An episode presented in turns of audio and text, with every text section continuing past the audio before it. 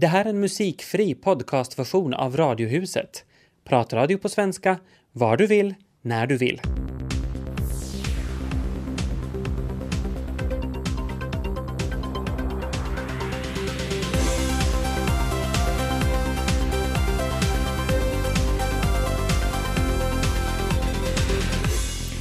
Tisdagens Radiohus pockar på uppmärksamhet tillsammans med eh, Tobias Larsson i Helsingfors. Och Peter Falund i Vasa. Och det ska handla om unga på nätet och hur man kan lära dem om de faror som lurar där. Formel 1-världen har blivit mycket skojigare nu när Kimi Räikkönen gjort comeback. Eh, tack vare att den lyckades gnuggar eh, etablissemanget ska jag säga, händerna. Åskådarna flockas, sponsorerna vädrar morgonluft, rally-engelskan frodas och så körs det bil på riktigt igen av en äkta racer. Nu ska det handla om unga människor och deras förhållande till internet. Välkommen till Radiohuset Joakim Granqvist. Tack, tack. Eh, Du är IT-lärare i Kyrkslätts svenska skolcentrum. Stämmer. Mm. I förra veckan kom nyheten om att vuxna familjefäder hade fått kontakt på nätet och efter det utnyttjat 9-15-åriga flickor. Eh, Hur reagerar du på den nyheten? Nå, jag antar att jag reagerar som de flesta andra. Man blir ganska, ganska ledsen över sådana nyheter. Det är ju sånt man önskar att inte skulle hända överhuvudtaget. Hur har ni tagit upp det här i skolan? Hur har ni pratat med eleverna? Eh, no, på grund av den här nyheten så har vi nog inte lagt om något program för att det är inte, det är inte någon överraskning för någon som, som jobbar med barn eller lite har följt med att sådana saker händer. Så vi har inte på det sättet egentligen alls tagit den här nyheten i beaktande på något sätt. Säkert har den kommit upp i någon klass och någon har haft någonting att diskutera med, med en enskild lärare, men så här som skola så har vi inte lagt in något extra program på grund av det, eller ändrat på någonting. Hur ofta händer det att elever har frågor när det gäller just sådana här saker, vad som kan hända? Eh, det händer ganska ofta. Egentligen så här små detaljer, att hur kan det vara, stämmer det här? Eh, jag tror, och allting som jag säger är vanligtvis sånt som jag tror, jag vet inte så mycket, men jag tror att det egentligen har mycket mera frågor än vad som kommer fram. Som IT-lärare, hur berättar du om farorna med nätet? Nå, vi, det finns egentligen två, två olika evenemang som vi har. Att vi har såklart sådana här olika tillfällen när vi tar upp olika saker. Vi har informationssäkerhetsdagar och sådana saker och då, då pratar vi kanske mer om så här faror. Men personligen föredrar jag att göra på det sättet att när vi jobbar med, med IT i skolan så använder vi olika verktyg och då går vi igenom hur de fungerar och då får man också fram att detta verktyg kan användas på detta sätt och det kan då eventuellt missbrukas så här. Hur mycket vet eleverna om just riskerna och farorna och hur saker kan missbrukas? Jag tror det är hemskt svårt att använda ett begrepp som elever. Det finns sådana som är hemskt kunniga och hemskt duktiga. Så finns det sådana som inte vet speciellt mycket och så finns det allting där mitt emellan. Att det är nog hemskt personligt för elever det där tror jag. Men hur reagerar mertalet, eller de flesta eleverna, genomsnittseleven, hur reagerar den när du berättar saker, vad som kan hända på nätet? Eh, ofta så ser man att folk sitter och lite fnittrar för sig själv och man märker att nu, nu har man kanske känt till det där och gjort någonting i alla fall eller så blir de hemskt förvånade över att kan man göra saker och fungera det på det här sättet och reaktionerna kan man nog vara där från, från kant till kant. Hur mycket vet du själv om vad dina elever gör på nätet? Nå, där är det igen alltså, elever är ju hemskt varierande. Att de, elever gör vad de gör. Alltså folk umgås med andra människor, man träffar nya människor, man delar med sig vad man har gjort tidigare, bilder, videon, olika saker. Att det beror lite på att vad har du för intressen och hurdan person är du, att vad gör du? Att någon sån här standard att räkna upp tre saker som, som barn och ungdomar gör på nätet, så det, det går nog inte. De, de lever. Det är väldigt populärt att lägga ut en massa bilder på Facebook. Mm. Och eventuellt ganska okritiskt. Jag vet många vuxna som också lägger ut bilder väldigt okritiskt på, på nätet. Eh, vad säger du till dem om, om, det? Om lämpligheten att lägga ut vilka bilder som helst? No, där, där brukar det just att, att förklara att, att hur fungerar det egentligen? Att, om jag lägger ut en bild på det här forum eller på detta sätt, att hur fungerar den? Var ligger den? Vem kan se den? Och det som jag brukar få folk, försöka få folk att tänka på, att vilken bild ger det här av mig? Man brukar ofta skrämma barn och ungdomar så här med att om du lägger ut dina bilder så kommer du inte få jobb om tio år därför att din chef kommer att gola dig eller någonting i den stilen. Eh, det tror jag inte mera på. Men det kommer alltid så här att är du i slutet på på nian så ska du snart söka till ett gymnasium eller en ny skola. Att hur, vad kommer det här profilen som du skapar att ge för bild åt dig, att dina nya kommande kamrater, att när de går in och tittar på dig, vad ger du för bild? Står du för den? Är det den som du vill ge? Att det, det kan vara en ganska bra sån här infallsvinkel. Men med den här nyheten från förra veckan bakom öronen, just vad det gäller utmanande bilder och liksom den typen av bilder. Hur, hur tar man upp, hur, hur tar du upp den frågan? Där till att börja med så tycker jag det är viktigt att ta fram att de här barnen i det här fallet som har lagt ut hurdana bilder som helst och det är inte deras fel i alla fall när sådana här saker händer att man ska inte skuldbelägga barnen. Det är barn som leker och att det sen finns vuxna som inte kan se det här och tycker att de har rätt att utnyttja det fallet. Så det, det är där problemet ligger. Men sen är det ju den andra sidan att vi lever inte i den här fina världen där barn kan leka hur som helst och göra vad som helst och lägga ut, utan då måste man berätta om de här riskerna och då kan det vara bra att berätta om sådana här konkreta fall att så här gick det, man har gjort på det här sättet och detta är en risk som man kan råka ut för att man ska inte gå och förbjuda, man kan inte förbjuda barn att lägga ut bilder, vad som är utmanande och inte så hemskt varierande beroende på i vilken miljö den här bilden finns. Men att de är medvetna om att det finns en sån här risk. Och framförallt att de ska vara medvetna om att vad gör de om någonting går snett? Det kanske skulle vara det viktiga, för lägga ut de här bilderna kommer de att göra i alla fall om man experimenterar lite och risken finns att man i något skede går över någon, någon linje då också med det faktum, med den kunskapen bakom örat, att alla människor kanske inte är vad de utger sig för att vara på nätet. Hur mycket pratar ni om sådana saker, nya bekantskaper på nätet, hur man ska förhålla sig till nya människor som dyker upp på nätet? Det, det tror jag däremot är någonting som alla, alla är nog medvetna om att vem som helst kan vara vad som helst på nätet. Jag tror också folk gör det hemskt mycket själva. Kanske inte direkt att man, man ljuger så mycket, men kanske att man lite, ska jag säga, förbättrar sig själv. Nätet ger ju det här möjligheten att du kan vara lite vem som helst. Du kan välja vilka egenskaper som du framhäver och du kan välja vilka som du lite tonar ner. Så det tror jag nog att folk är ganska medvetna om att man inte kan helt säkert veta vem som är, står bakom en profil, till exempel på nätet. Men å andra sidan så i vilken del av livet så vet vi också jag har nu inte bara promenerat in hit idag, jag blev visserligen kvitterad ut in vid dörren, men jag har inte visat ett ID eller någonting, att jag kan egentligen vara vem som helst som sätter och säger saker här. Att det är hemskt svårt överhuvudtaget i livet att bedöma att vem är vem, även om vi vet vem av de att hurdan person är det egentligen. Så en liten försiktighet kanske är på, på sin plats överhuvudtaget. Men om en elev skulle komma och fråga dig att nu har jag träffat en ny spännande människa här som vill träffas. Hur skulle du råda den här människan att, att hantera situationen? Det där, det där är alltid en svår fråga. För att det är svårt att ge ett svar så här att det, du, det här ska du göra. Det som jag definitivt skulle säga att se till att du inte går dit ensam. Och att den här personen är medveten om att den alltså kan träffa precis vad som helst i den här andra ändan. Och där skulle man hoppas i ett sånt här läge att den kan vända sig till föräldrar eller någonting i den stilen för att diskutera igenom. För att där beror det ju också på att var och hur och hurdan person man är som annars. Men definitivt det här tre, att inte ensam, se till att man har någon annan med sig. Hur mycket vet eh, ungdomarnas föräldrar om vad som försiggår på nätet? Där är det också hemskt varierande. Vissa känner hemskt bra till det och har en ganska nyanserad bild. Andra tror att det är bara hemskheter som försiggår och skulle vilja förbjuda hela alltihopa. Sen har vi säkert som sådana som inte vet och tycker att det här är ingenting för mig. Jag är för gammal för att lägga mig in i det här och det här kommer jag aldrig att kunna lära mig så att säga. Men om du skulle få ge ett par goda råd till föräldrar, om det sitter föräldrar nu och lyssnar på det här programmet och blir antingen lite skräckslagna eller, eller känner sig lite villrådiga, vad skulle du ge dem för tips? Så kort ska jag ge ett hemskt enkelt tips att ta reda på Tro inte på undersökningar som skrivs i TV, tro inte på vad folk säger.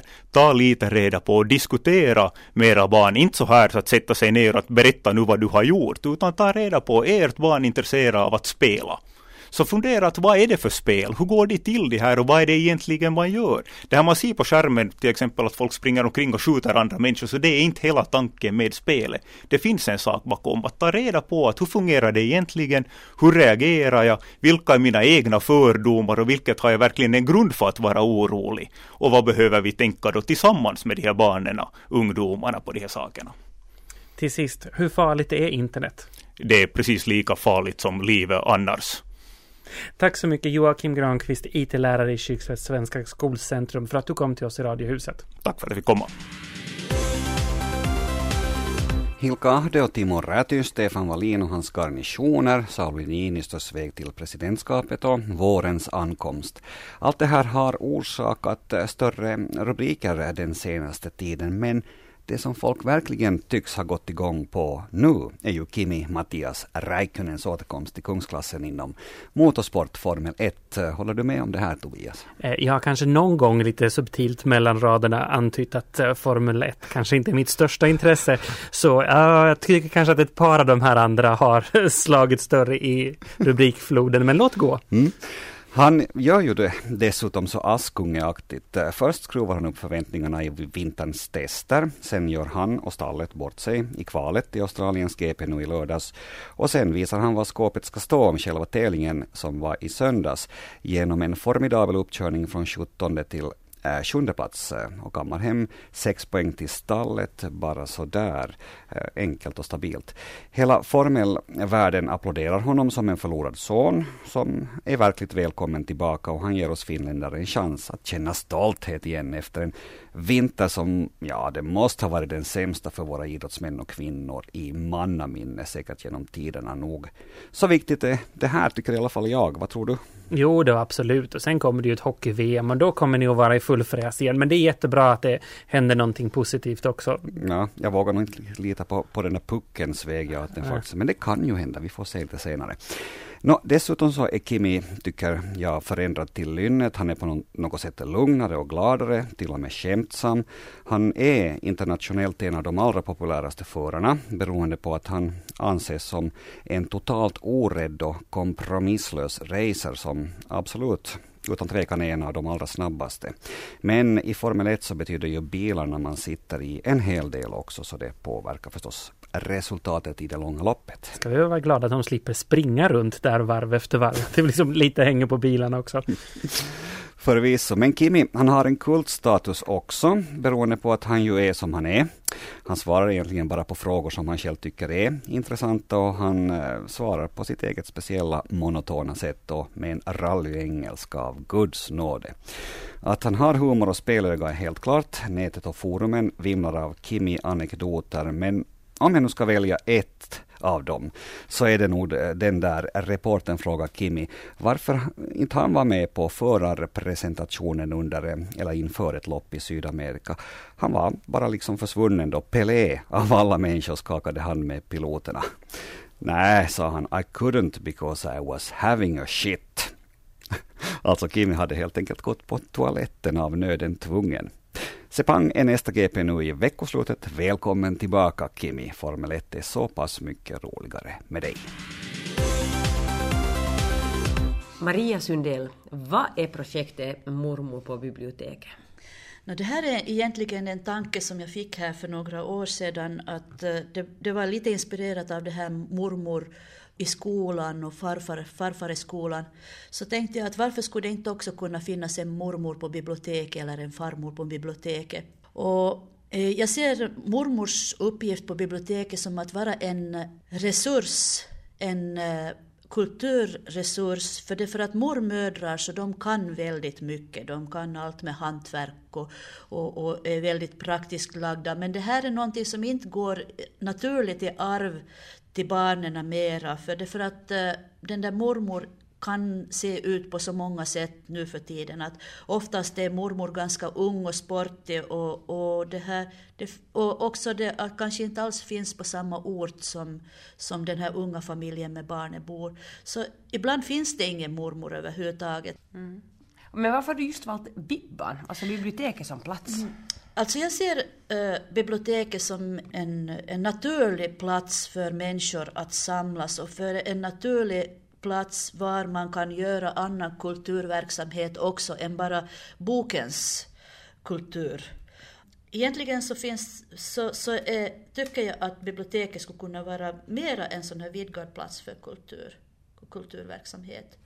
Och en, ett vardagsrum som det är naturligt att komma till och lite mera hemvant kanske och att, man, att det får bli lite mera buller och lite mera fritt än vad det kanske har varit tidigare. För det att, att bibliotekets egentliga uppgift så, så försvinner mer och mer. Att boken blir, blir en, en sak som, som är mera obekväm kanske än att, att göra saker och ting på nätet. Vi ännu i min ålder så tycker om böcker och det finns många barn som tycker om att bläddra i böcker och, också. Men eh, som en sån här allmän regel är att eh, internet tar över där, där boken har funnits, den, den mark där förut var bokens. Och eftersom vi inte får skrota dem heller inte så måste vi också se till att det finns, finns andra, andra saker som vi kan göra på biblioteket för att hålla kvar biblioteksverksamheten som är jätte, jätteviktig.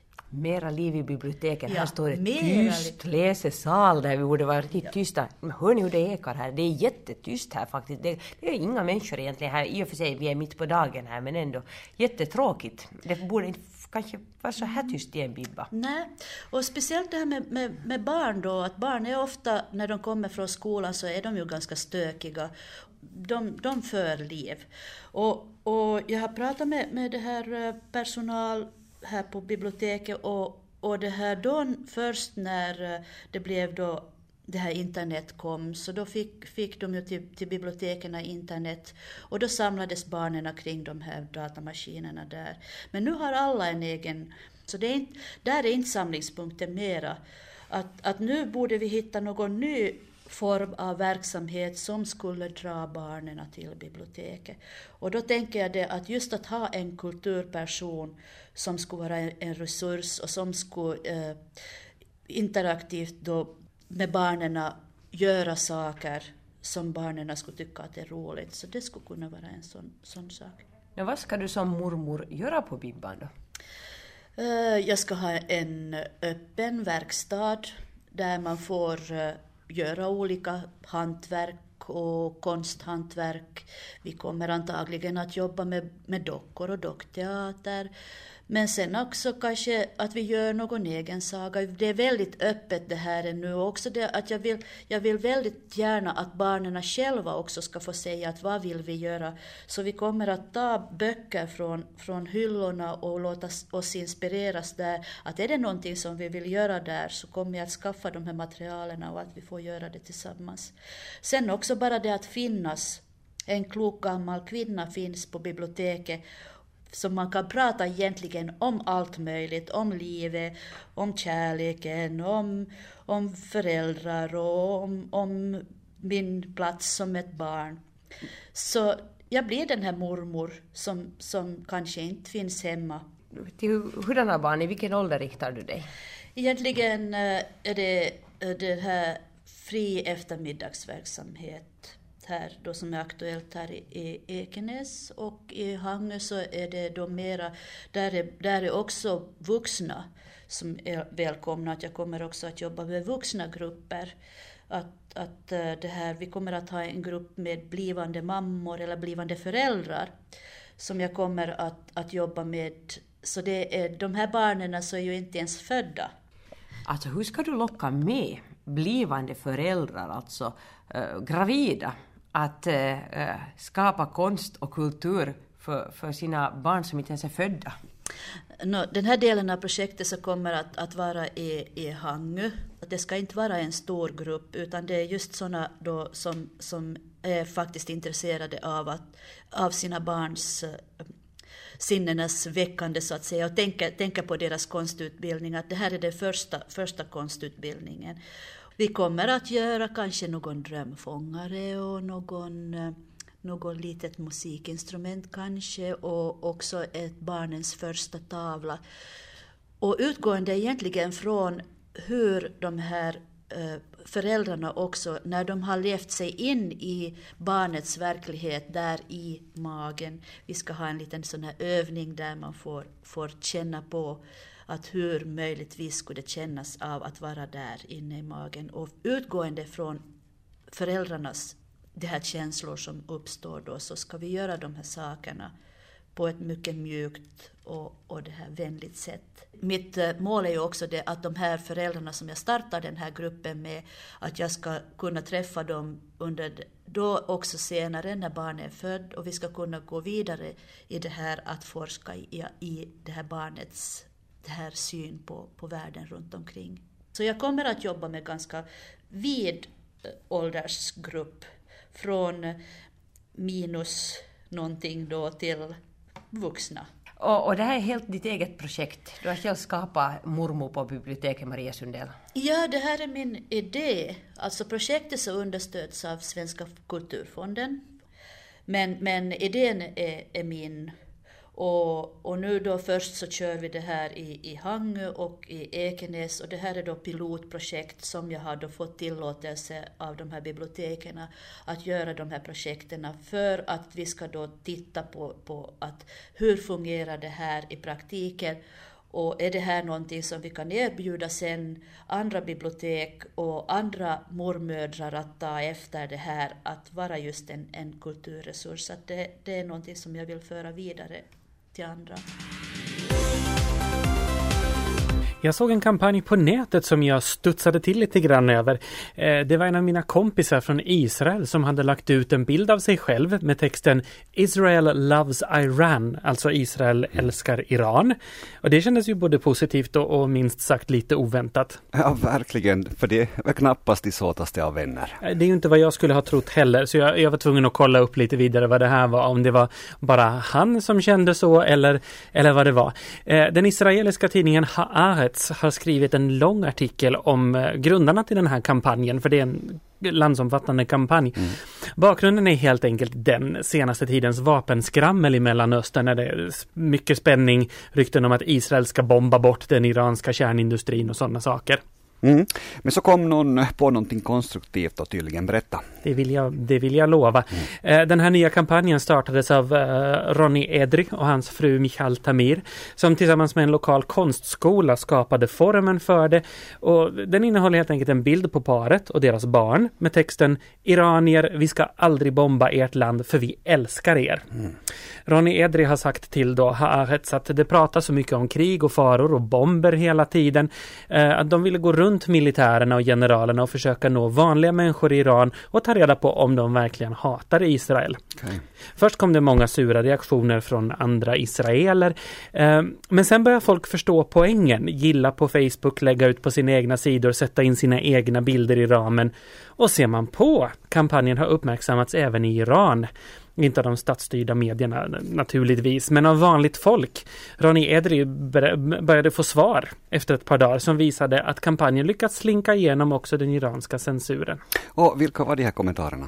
De svar som har kommit har varit från vanliga, helt vanliga iranier som inte alls säger sig hata varken Israel eller någon alls och menar att hatet är ett verktyg för regimen.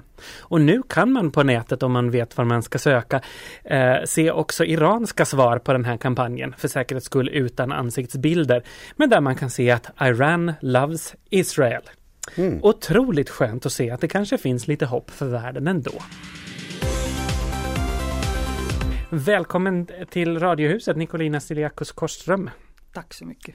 Du är chef för Yle 5 och kanalen bullar ju upp riktigt den här våren och idag så har ni inte färre än tre premiärer. Ja, så kan man nog säga, för vi har tre saker som jag så speciellt vill poängtera idag.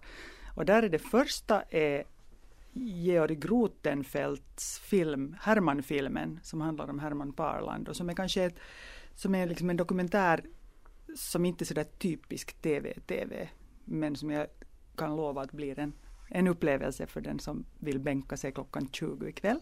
Vad menar du med att den inte är TV-TV? Nej men den är inte vet du, sådär, det är inte så här snabbt och, och, och liksom den kräver kanske lite eftertanke, det är långsamt, det är vackert, det är liksom eftertänksamt mera än kanske de andra sakerna som kommer idag som till exempel den svenska serien Coacherna som startar idag klockan 21.30 som mera är en sån här nutidsskildring, komisk sådan, om tre kvinnor som startar en, en sån här livscoachingfirma för att de ska de har själva gått igenom olika typer av kriser och bestämt sig för att byta liv och byta tillvaro och så blir det mycket med, mycket med andning och kristaller och auror och sånt.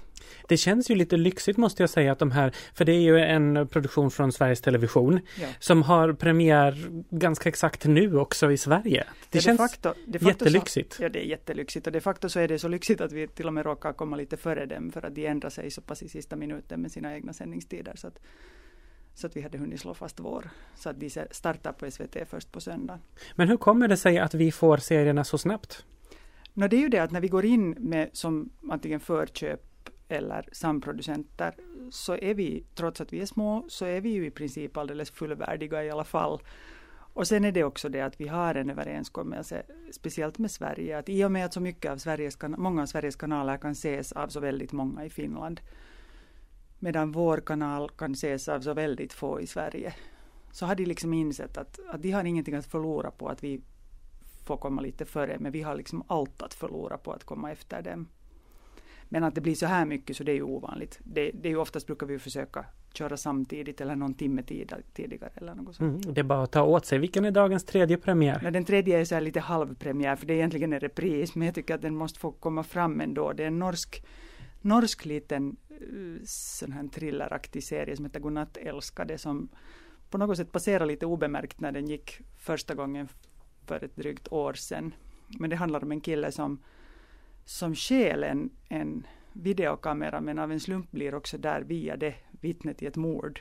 Och sen istället för att vara smart nog att lämna tillbaka videokameran och försöka liksom så här inte trassla in sig mer så trasslar han in sig riktigt mycket och försöker börja utreda allt möjligt. Så man har en riktigt bra tv-kväll på kommande.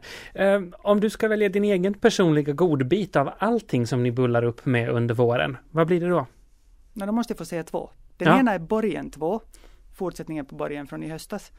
Den kommer nästa onsdag, den 28, och det väntar jag på jättemycket. Och sen efter påsk så kommer Lilyhammer, som är en thrillerkomedi, vad man nu ska kalla det, från Norge, men med den här Steve Van Sant från, som är känd från bland annat Sopranos i huvudrollen. Mycket att se fram emot. Tack så mycket Nicolina Siriakus Korström för att du kom till oss i Radiohuset. Tack!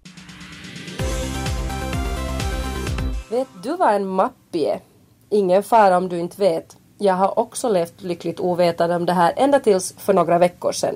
Men då blev jag upplyst och upprörd. Jag är sur på begreppet mappi, eller rättare sagt på den som lanserat begreppet, det vill säga den svenska tidningsdrottningen Amelia Adamo.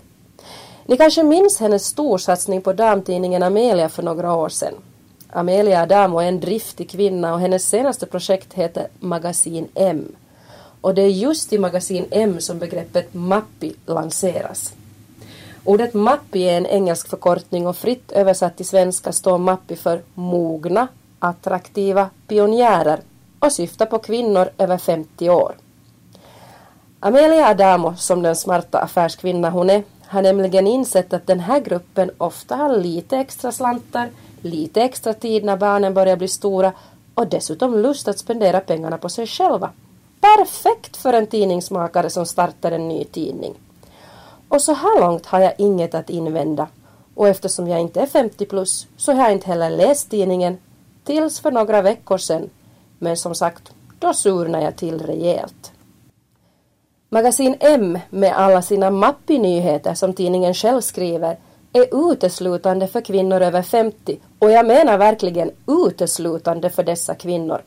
Varken yngre kvinnor eller män för den delen gör sig besvär. Tidningen har i det närmast en aggressiv ton mot yngre kvinnor.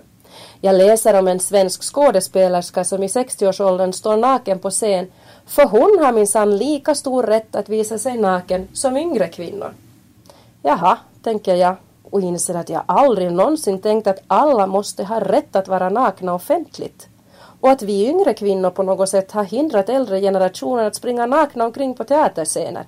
Men vad vet jag? Jag läser vidare och fastnar vid tio goda råd till äldre kvinnor om det går så illa, Gud förbjude, att de får en ung kvinnlig chef på 27 år. Här får läsaren, eller förlåt mappin, handfastna råd hur den kan sätta den unga chefen på plats. För så ska tydligen unga chefer hanteras av äldre arbetstagare. Och när jag vänder sida och hittar rubriken Ska inte mormor få dricka? Då orkar jag inte längre. Jag vill på inget sätt hindra äldre kvinnor att dricka ett glas vin, stå nakna på teaterscener eller tala högt om hur svårt det kan vara att bli omsprungen av en yngre kvinna i karriären. Men det jag vänder mig mot är att tidningen gör inget för att öka förståelsen eller kunskapen generationer emellan. Tvärtom. Upplägget och tonen i tidningen uppmanar äldre generationer att tävla med yngre om utrymme och plats i samhället. En tävling som ju på inget sätt gynnar någon, förutom kanske Amelia Adamo då, som säljer tidningar. Jag heter Gunilla Selvin och jag önskar att ordet mappi begravs och lanserar nu istället muktis, det vill säga mogna och unga kvinnor tillsammans. Och PS, jag är faktiskt över 40, bara så ni vet. Robert Olander, spindeln i nätet för Vasa Energy Week. Välkommen. Tack. Du är också direktör på teknologicentret Merinova och den här veckan så händer det massor inom energi, miljö, vindkraft och hållbar utveckling här hos oss i Vasa. Hur stor händelse är det här egentligen? No, Vasa energiveckan är ju någonting som vi har gjort för att få till stånd ett, ett lite större even, energievenemang i, i Vasaregionen. Och det här och, och, så vi har egentligen slagit ihop tre befintliga evenemang som arrangeras tidigare till en vecka som vi marknadsför till, tillsammans. Och, och det här, så vi, vi har egentligen tre ganska olika evenemang som alla hanterar energin på olika sätt. Att, att igår var det energi och miljöseminarier som är en passlig blandning med, med det här med politik och, och sen, sen företagen berättar om sina lösningar. Idag är det vindkraft mm. och imorgon så går det lite djupare in i tekniken eller på onsdag och torsdag så är det en konferens som är riktad mot, mot ännu djupare experter. Hur märker vanligt folk att någonting sånt här är på gång? No, det är I år ännu så riktar vi ganska långt energiveckan mot experter och, och vi strävar till att få cirka tusen experter till Vasaregionen under, inom, eller sådana som jobbar inom, inom energibranschen till Vasa. Men, och, och det kanske inte syns ännu så hemskt mycket i, i vanliga gatubilden. Men målsättningen är nog att i framtiden så ska vi utöka energiveckan och vi ska, vi ska hitta på, eller vi ska ta in andra evenemang också som, som det här som går mera, mera in på allmänna nivån. För energi är ju någonting som berör alla. Mm. Eh, som du sa så är ju cirka tusen experter och forskare på plats. Vad tycker du själv att ska bli intressantast att höra? No, det är ju, ska vi säga, det, vi har ju målsättningen att, att visa vårt kunnande och, och, och vårt koncentration av energiteknologi som vi har här och, och de möjligheterna som, som det här vårt kunnande skapar, inte bara för regionen utan för hela Finland. Och vi vill skapa en diskussion förstås kring, kring det här. Men tillika så vill vi ju ge möjlighet också åt företagen som, som jobbar här att träffa träffa experter från runt om i Finland och också internationellt och, och kanske skapa nya möjligheter åt dem att, att utöka sin, sin affärsverksamhet. Så kom du precis in rusande eh, med rosor på kind nästan eh, efter en stressig dag. Det har varit vindkraftens dag. Vad gick den ut på? No, vindkraft, det Vasa Vind Exchange är ett evenemang som arrangerades första gången i fjol. Och det, det hela evenemanget startade upp därför att vi såg ett klart behov av att få ihop olika områden inom vindkraft för en diskussion och, och för att nätverka. Eh, så det är frågan om myndigheter, det är frågan om markägare, det är frågan om, om eh, komponenttillverkare eh, och, och, det här och det är frågan om utvecklare som bygger de här vindkraftsparkerna. Att, att ge ett forum där de kan träffas, där de kan diskutera, där de kan utveckla sitt samarbete. Och det har lyckats mycket bra. Det var en stor succé i fjol och, och, det här och i år ser det ut att bli en ännu större. Att vi har 64 olika utställare med där som, som det här som söker. Och det är ett internationellt evenemang att mm. vi har företag med från, från Spanien, Tyskland, Danmark, Sverige och förstås från Finland. Och på tal om miljö och energi så har vi ju världens största enskilda kampanj på kommande den 31 mars på lördag om en vecka då Earth Hour arrangeras. Hur ser du på betydelsen av att så många som 1,8 miljarder människor, det var siffran för fjolårets Earth Hour, att alla de här släcker lamporna i en timmes tid? Nej, det berättar ju ganska mycket om, om hur situationen är på energisidan för tillfället. Det intresserar egentligen alla. Och det berör alla på ett eller annat sätt och jag tycker det här Earth Hour är ett typiskt exempel på det att folk vill vara med och, och hjälpa till att, att rädda världen. För, för det är ju det som, det som vi är rädda för för tillfället. Eller vi kan inte fortsätta med energiproduktion så som vi nu håller på utan vi måste gå till mera miljövänliga sätt att producera energi och vi måste också hitta på sätt att spara energi. Mm. Och det är ju, det berör ju, det är mycket nära till det vad, vad det här Vasa energiklustret också står för, står för. Att en stor del av den teknologi som produceras här så, så bidrar till, till det här att vi kan faktiskt, faktiskt uh, minska på miljöutsläppen och, och mm. göra den till en bättre värld. Ja, helt kort avslutningsvis. Uh, vad tycker du att vi, var och en av oss, kan göra för att bli bättre på att agera miljömässigt rätt? No, det är ju förstås alla konsumerar energi och det är ju viktigt att alla tänker på hur man konsumerar, att vad är viktigt och, och vad kan man leva utan eller och sen kan, måste man ju förstås se på hur till exempel uppvärmningen i, i det egna huset, att, att är, det, är det liksom miljömässigt hållbart eller inte. Att, att det är ju, det är ju små, ofta frågan om små saker men när man slår ihop många små saker så blir det till sist en stor sak. Tack Robert Olander på Vasa Energy Week. Tack. Det här var en musikfri podcastversion av Radiohuset som sänds i Radio Vega måndag till torsdag. Mer information om programmet hittar ni på svenska.yle.fi radiohuset.